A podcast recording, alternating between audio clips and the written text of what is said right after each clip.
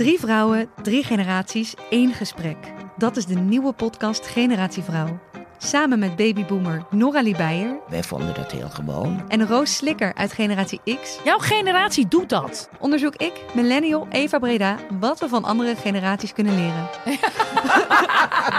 Iedere vrijdag een nieuwe aflevering op Flair, Libelle of margriet.nl slash podcast.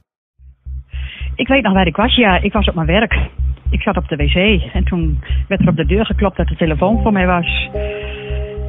Nou, toen kreeg ik de telefoon in mijn hand en toen werd mij medegedeeld dat mijn schoonzoon Jan eh, bij het zwembad neergeschoten was.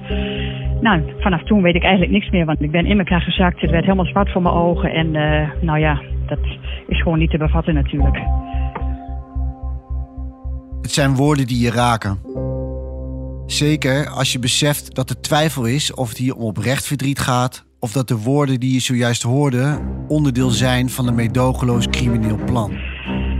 Verder weet ik eigenlijk niks meer. Ik weet niet eens meer dat ik bij mijn dochter gekomen ben. Ik, ik, ik, ik weet het niet meer. Dat stuk is helemaal weg. Ik moet er in de auto heen gereden zijn, maar vraag me niet hoe, wat of waar, want het is allemaal op de au- automatische piloot gebeurd. Ik weet het niet meer. Luister vanaf volgende week naar de Zwembadmoord, een podcast van nu.nl van de makers van het geheim van Mallorca. De Zwembadmoord is vanaf maandag beschikbaar in alle podcast-apps.